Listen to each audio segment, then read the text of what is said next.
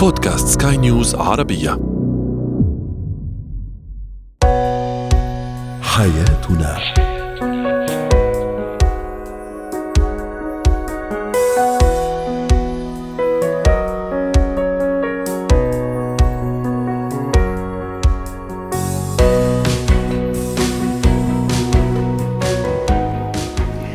معكم أسيا البشارة أحييكم وأرحب بكم في حياتنا فضاؤكم اليومي الذي يعنى بمختلف مجالات حياتكم.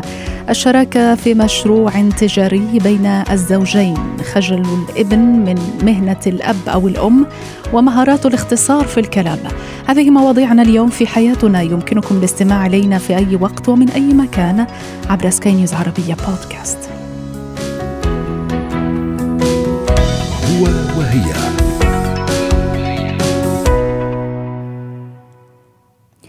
تنضم إلينا بداية الاختصاصية الأسرية والنفسية الدكتورة لما الصفدي. أهلا بك دكتورة لما. نتحدث اليوم عن الشراكة في مشروع تجاري بين الزوجين وأيضا تأثيرها على الحياة الزوجية. يعني العلاقة الأسرية أو الزوجية تقوم على الشراكة بين الزوجين وتقوم على المودة والرحمة. هذا هو أساسها. لكن هل يختلف الأمر حين يدخل الزوجين في شراكة تجارية؟ أكيد الموضوع يصبح مختلف لأنه هون نحن انتقلنا من مؤسسة آه، تحكمها العاطفة إلى مؤسسة تحكمها العقل. فالنقطة المهمة بالموضوع بأنه لما يقرروا زوجين أنه يكون عندهم آه، عمل مشترك أو موضوع مشترك هو طريقة التعاطي مع هاي المؤسسة الجديدة وطريقة الفصل. يعني هي النقطة الأساسية هي الفصل والانتقال ما بين نحن كنا زوجين والآن نحن شركاء. في عمل معين. اشرحي لنا نقطة الفصل بداية دكتورة لما. كيف ممكن أنه نفصل؟ تماما. اولا الفصل هو بأنه مشاكل العمل لا تنتقل إلى المنزل. يعني هي تنتهي مع انتهاء اليوم العمل بحيث إنه مثلا اليوم الدوام ينتهي الساعة خمسة خلاص الكل انتهى من عمله ورجعنا على البيت ما بيتم مناقشة العمل في المنزل. هي أول نقطة. وإذا كان دكتورة يعني بأسف على المقاطعة مرة أخرى لكن إذا كان هذا المشروع يعني يتم آه، العمل فيه من المنزل كثير من الأزواج يقومون بمشاريعهم في منزلهم. صحيح حتى لو كان في المنزل ولكن نحن بنعرف بأنه حتى في مواعيد معينة. يعني حتى لو صحيح. كان مثل, مو... مثل مهن الطبخ المنزلية أو إنتاج منتجات ولكن في ساعة معينة خلاص تتوقف الطلبات. المفروض بعد هاي الساعة لا يتم الحديث بنفس الموضوع مرارا وتكرارا وخصوصا بالأمور المادية لأنه نحن بنعرف على صعيد أي شخص فينا يمكن يكون عندنا مشاكلنا بالعمل لكن لحظة دخولنا إلى المنزل بنحاول قدر المستطاع فلترة أفكارنا بحيث إنه خلص نحن في البيت مع الأولاد مع العائلة فبالتالي ما بننقل الطاقات السلبيه إلى مكان الحياة اليومية. وخاصة إذا في مشاكل يعني يا نحلها في مكان طبعا. العمل طبعا. يا ما نجيبها معنا لل... طبعا. للبيت العلاقات الزوجية للأسف بتوصل أحيانا إلى مرحلة الانتهاء بسبب أنه بيكون بدايتها هي عمل تجاري مشترك أو أحيانا يتم أحد الأشخاص التنازل عن هذا العمل لصالح الشخص الآخر للحفاظ على ود العلاقة صحيح. ومن الضروري حتى يعني دكتورة لما إنه من البداية يكون هناك شفافية خاصة الأمور الأمور المالية لأنه الأمور المالية حتى بين الإخوة وفي العائلات يعني بين أقرب المقربين يحصل يحصل في مشاكل إذا لم تكن هناك شفافية في الحسابات المالية. صحيح. ولا ينصح فيها كون بأنه نحن بنعرف الإنسان هو بطبعه في عنده جزء من شخصيته هو يعني دائما يفضل الخير لنفسه اولا. فاحيانا لما بتصير العلاقة زوجية أو حتى بين الأخوة آه، مشاكل العمل أو الربح المادي أو الخسارات أحيانا مشاكلها كبيرة فإذا انتقلت إلى العاطفة والمشاعر هون المشكلة. طيب. أحيانا حتى لما بصير فيها محاكم ويعني وقضايا. وفي نقطة هي الثانية إنه لما بيكون من المسيطر أنت بتعرفي بالحياة الزوجية أحيانا نحن نحتاج إلى ربان واحد يقود الحياة الزوجية ومساعدين. يعني يكون مثلا قرار بيد شخص واحد أو حتى لو كان تشاركي. نعم. لكن أحيانا في العمل قد لا يتقبل الرجل وجود بأنه زوجته هي المديرة أو هي المسيطرة ماديا وهذا الشيء رح ينعكس على تفاصيل يومهم. يعني من البداية يعني لا نترك حماس بداية المشاريع أن يأخذنا وأن لا نتحدث عن مسائل التخطيط ربما الشروط أيضا وأن تكون هناك قواعد أساسية. وأن تكون حتى مكتوبة ربما يجب أن تكون موثقة. صحيح موثقة وتماما. وفي حال لو أخل أي إنسان آه، دائما نقطة إلى الوراء. يعني نحن بنعرف بيتم الاتفاق على أنه مثلا الساعة السادسة مساء ينتهي اليوم العمل. بعد السادسة مساء ممنوع الكلام في الديون وتحصيل الأموال والحسابات والطموح. هو فقط وقت للعائلة. نعم. ما هي أيضا الشروط الأخرى إذا حصل آه، مشكل يعني آه، مشكل في في في العمل. كيف يمكن أن نحله؟ لأنه أنت تعرفين يمكن إنه المرأة ترجع للبيت وتكون آه، يعني زعلانة متضايقة ممكن ما تقوم بأعمالها اللي بتقوم بها بشكل يومي. وأيضا ممكن إنه الرجل إنه يعني خاصم زوجته حتى في البيت. تماما. هي هي النقطة الأهم يمكن في الموضوع اللي هي الالتزام في الأدوار. يعني نحن في العمل بدور العمل. هلأ هي من الصعب جدا بإنه لأنه الإنسان هو مشاعر. ولكن في اللي بيلعب دور بالموضوع أيضا جانب مهم. لو كانت المرأة هي المديرة في العمل لابد أن تتخلى عن هذا المنصب عن هذا الدور عند الدخول إلى المنزل وتتحول إلى زوجة فقط وأم. النقطة الثانية لو كان العكس لو كان حتى زوجها هو المدير أن لا يتم يعني نفس الدور في المنزل هو في المنزل زوج وأب حنون وكل القرارات تشاركية وليست هذه شركة مؤسسية. لابد أن يكون فقط المدير هو اللي يعني يسيطر ويأمر ونفذ ثم اعترض. فبالتالي يعني هذا موضوع مهم اللي هي الأدوار الالتزام بالأدوار في حال لو كانت في العمل هي تبقى في العمل. لأنه هي اليوم يمكن هي رسالة ممكن تكون شبه تحذيرية لكل الزوجين يرغبان بأنه يكون في عمل مشترك. بأنه أهم شيء تقسيم الأدوار ويفضل لو كانوا ما يكونوا في بيئة عمل واحدة. يعني حتى لو هي شركة. لو كان نفس المشروع لكن نعم يعني هن مش مع بعضهم كل اليوم. لأنه أحيانا كثير نحن أنا بسمعها يعني من الأزواج اللي بقابلهم بالاستشارات بأنه أحيانا كلمة الملل يعني أنا أشعر في الملل. يعني خلص أنا معاه كل اليوم في الشغل. يعني يجينا البيت كمان أنا معاه كل اليوم نفس التفاصيل نفس الأخبار ما في تجديد بالحياة. ولذلك طيب. ربما يعني حتى حتى في المظهر والشخصية حين نكون في العمل يجب أن نكون تلك شخصية العمل. يعني أن يكون كأي زميل ربما وأن يعامل الزوج زوجته كاي كأي زميلة في هذا المشروع التجاري تحديدا. لكن يمكن في في البيت أن نتقمص أدوار ثانية. أكيد أكيد. وهي أهم نقطة عدم انتقال المشاكل ويعني ممكن حتى لو في مشكلة بالعمل يتم الاتفاق إنه خلص خلص اليوم الوظيفي انتهى عند الساعة كذا خلص بكرة نكمل صباحا. اليوم رح نرجع لحياتنا وبيتنا وأولادنا لحياتنا الروتينية. أنت زوجتي أنت حبيبتي ولكن مواضيع العمل ومشاكلها نعود بعد يوم. ولكن أيضا يعني أؤكد انه التطبيق جدا صعب لأنه للأسف دائما الشراكات اللي بتكون أساسها فيها مشاعر وعاطفة. جدا من الصعب إنه هي تستمر بنفس النمط. وفي هناك يعني أحكام مسبقة يمكن في كثير من المجتمعات إنه آه، بيقولوا للزوج لا تشارك زوجتك في, في, في, في تجارتك لأنه قلتي في البداية إنه ال ال هذه الشراكة التجارية تقوم على العقل وإحنا نعرف إنه يمكن ما يشاع ان المرأة هي فعليا عاطفية أكثر وتحكم بالعاطفة، لكن كذلك يمكن نقول إنه اليوم في سيدات متميزات وممكن تتشارك مع زوج زوجها في هذا المشروع التجاري وكمان تسيره بشكل ناجح جدا. صح ممكن تكون هي الأنجح وهي الأعقل. يعني هي الأعقل باتخاذ القوانين والإجراءات لأنه المرأة لو وضعت في بيئة العمل أحيانا ممكن تكون قيادية جدا ناجحة وتثبت وجودها.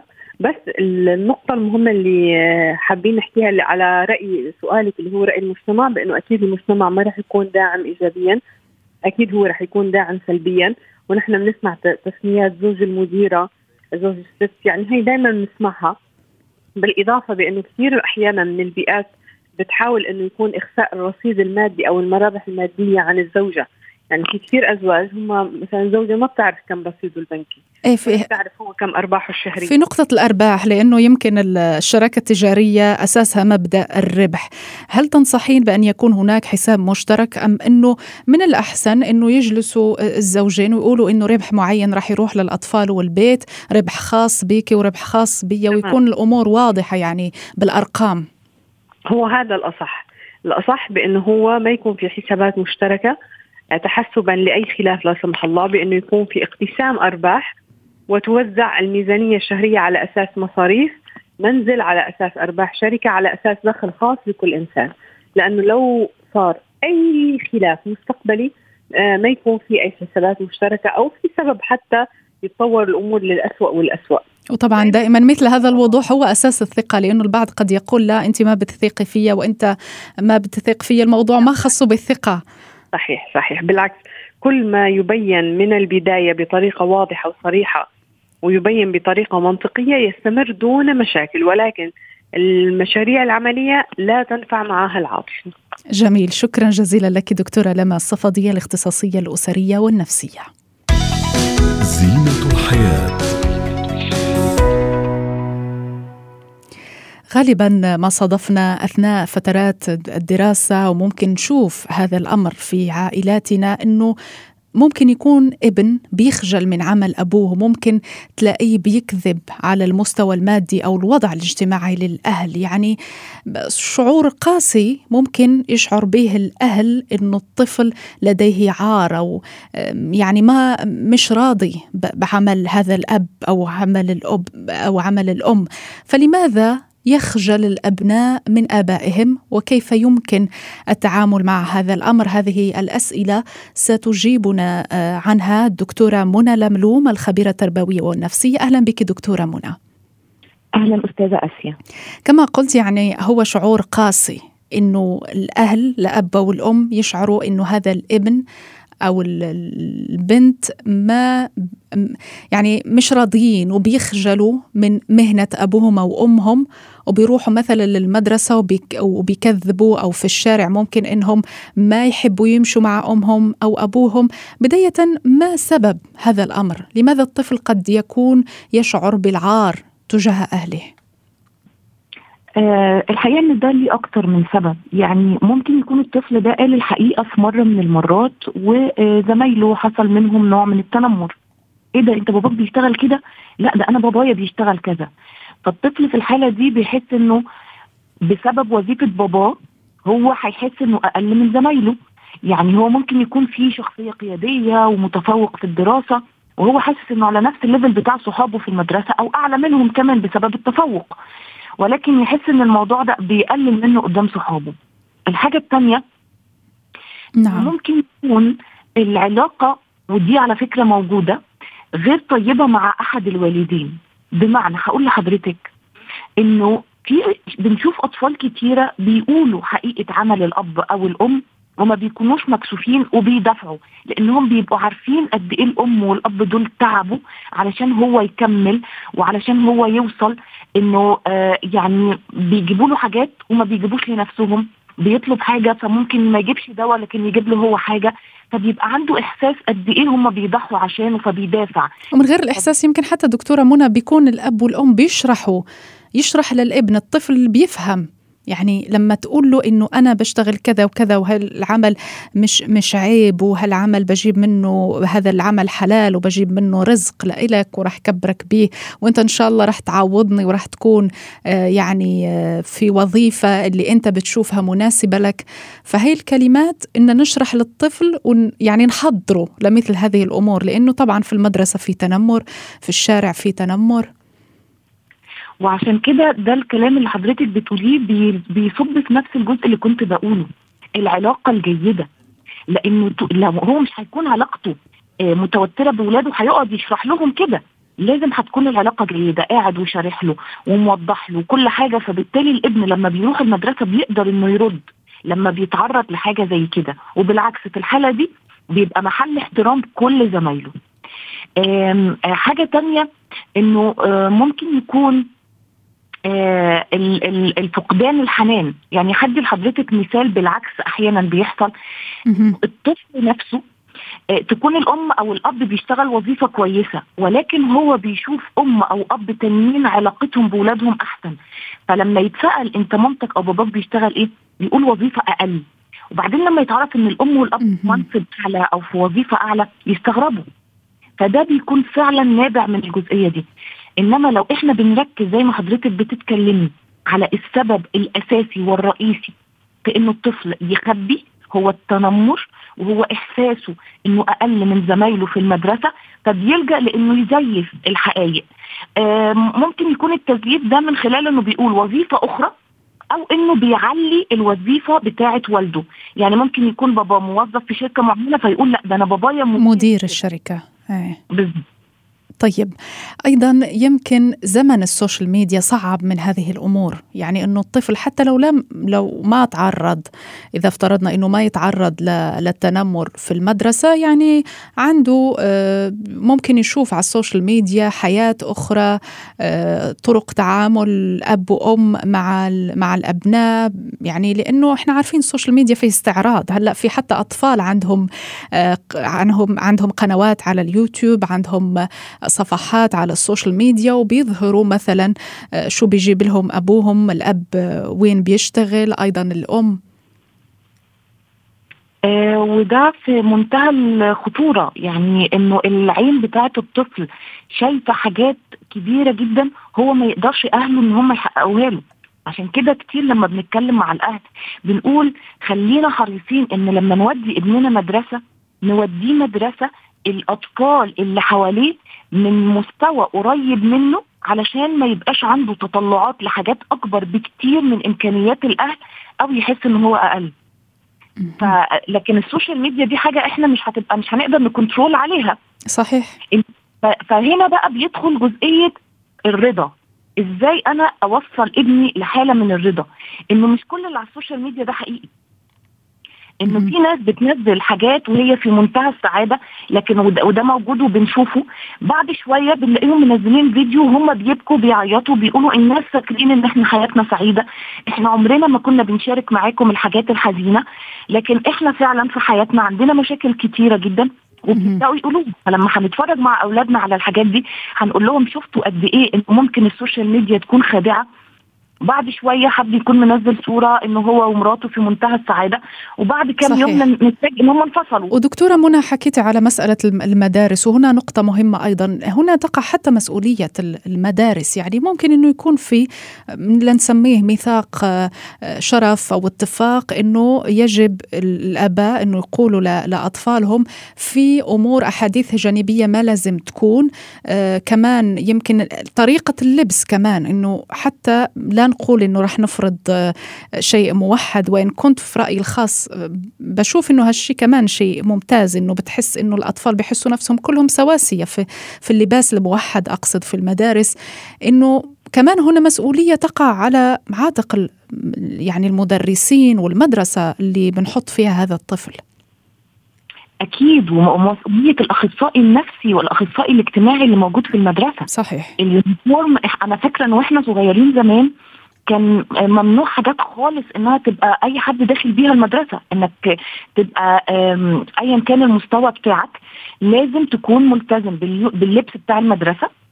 صحيح. حتى في التوك ما كانش مسموح حتى آه، حاجات معينة. لما تكون الحاجة شكلها غالي آه، كان الحاجات دي كانت بتتاخد أصلا من الطالب ده لأن هو ما التزمش. حتى الشرابات كانت لون موحد. حتى الحاجات دي المدرسة دورها مهم ولما يحصل أي حاجة زي كده لازم يتعمل دعم نفسي للطفل اللي تعرض لحاجة زي دي. لازم يتجاب ولي أمر الطفل اللي تنمر ويبدأ يتكلم معاه ويشرح له إنه الشغل مش عيب. إحنا آه كتير من المشاهير بيشاركوا قصص نجاحاتهم وبيقولوا إحنا اشتغلنا نجار إحنا اشتغلنا آه سباك إحنا اشتغلنا عملنا كذا. مهن كلها شريفة لكن إحنا كنا بنفكر إزاي اننا نوصل ونصرف على نفسنا وما نتعبش اهلنا. القصص دي برضو مهم إن الأطفال يتعرفوا عليها. المجتمع الداعم ده مهم جدا يا أستاذة آسيا. ال ال يعني مثلا هضرب لحضرتك مثال بحاجة صغيرة جدا. نعم. سن أكبر شوية من الأطفال ولكنها الأطفال هيستوعبوها. صحيح. آه، طلعت الأولى في الثانوية العامة ولكن الصحافة لما جم يكتبوا ده في الميديا كتبوا ابنة البواب تصل إلى كذا. كل المجتمع هاجم هذه آه. الجريدة آه. شديد جدا لأنه وصفوا الجريدة بالعنصرية والطبقية وعدم احترام تفوق البنت وبالتالي هذا الوعي اللي موجود جوه المجتمع هو هيعمل صحيح كأنه يعني بنت البوابة وبنت عامل النظافة يعني يعني مش قادرة إنها توصل أو مش قادرة إنها تكون في هذاك التفوق والتميز وكأنها وصمة صحيح. هو المنشيت كأنه وصمة للبنت في الوقت اللي هو البنت طلعت وافتخرت بوالدها اللي رباها واللي عمل. فالمجتمع هنا كان دوره داعم ومهم جدا. أنتوا إزاي تكتبوا كده في العنوان؟ فبعد كده ما يقدرش الصحف تجرؤ انها تعمل ده تاني. صحيح. المجتمع الداعم والمدرسة الداعمة والأهل الداعمين اللي بيشرحوا جميل. كل حاجة نعم. قبل يحط في الموقف ده مهم جدا. نعم شكرا جزيلا لك دكتورة منى لملوم الخبيرة التربوية والنفسية. مهارات الحياة. نتحدث الآن عن الاختصار في الكلام وكيف يمكنه أن يكون سببا للنجاح في الحياة. دكتورة تانيا عوض غرة مدربة مهارات الحياة. أهلا بك أستاذة تانيا. لا أريد أن أطيل الكلام لاحترام الوقت المتبقي في ال ال في هذا البرنامج. حدثينا عن مهارات الاختصار في الكلام وهل فعلا عنده تأثيرات إيجابية في حياتنا؟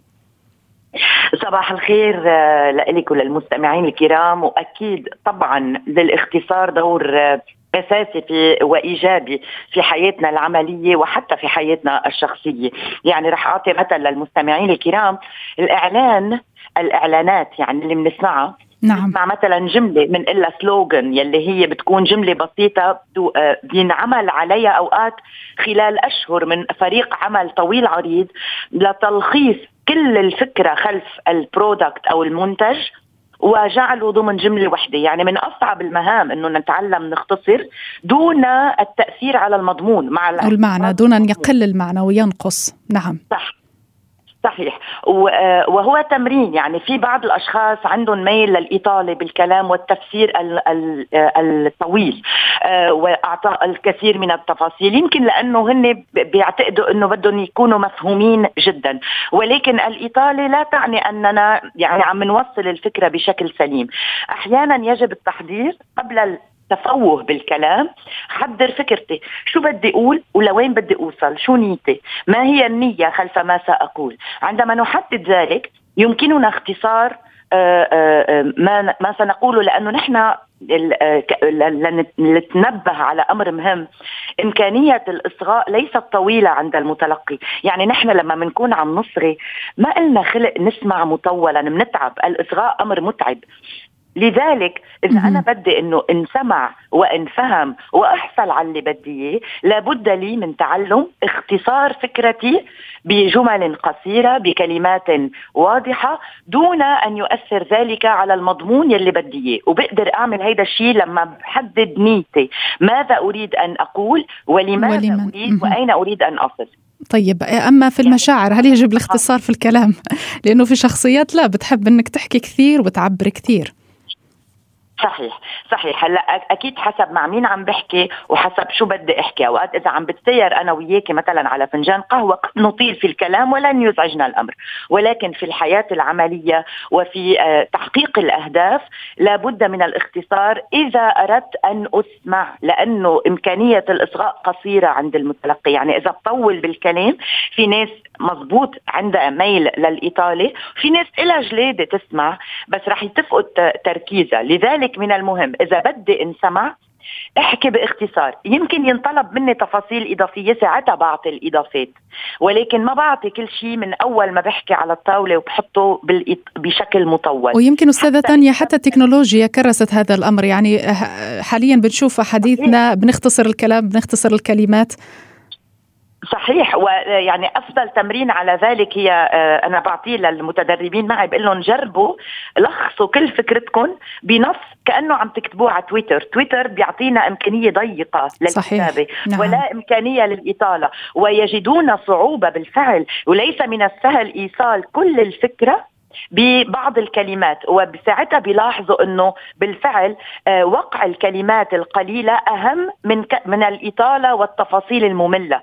وهو وهو تمرين ليس بالسهل. بالإعلام بيتعلموه بالإعلان بيتعلموه. واليوم مع السوشيال ميديا صرنا يمكن كلنا ملزمين نتعلم الاختصار مع الاحتفاظ بالمضمون وبالفكرة الأساسية. جميل جدا. كفيتي ووفيتي أستاذة تانيا عوض غرام مدربة مهارات الحياة. شكرا جزيلا لك. حياتنا.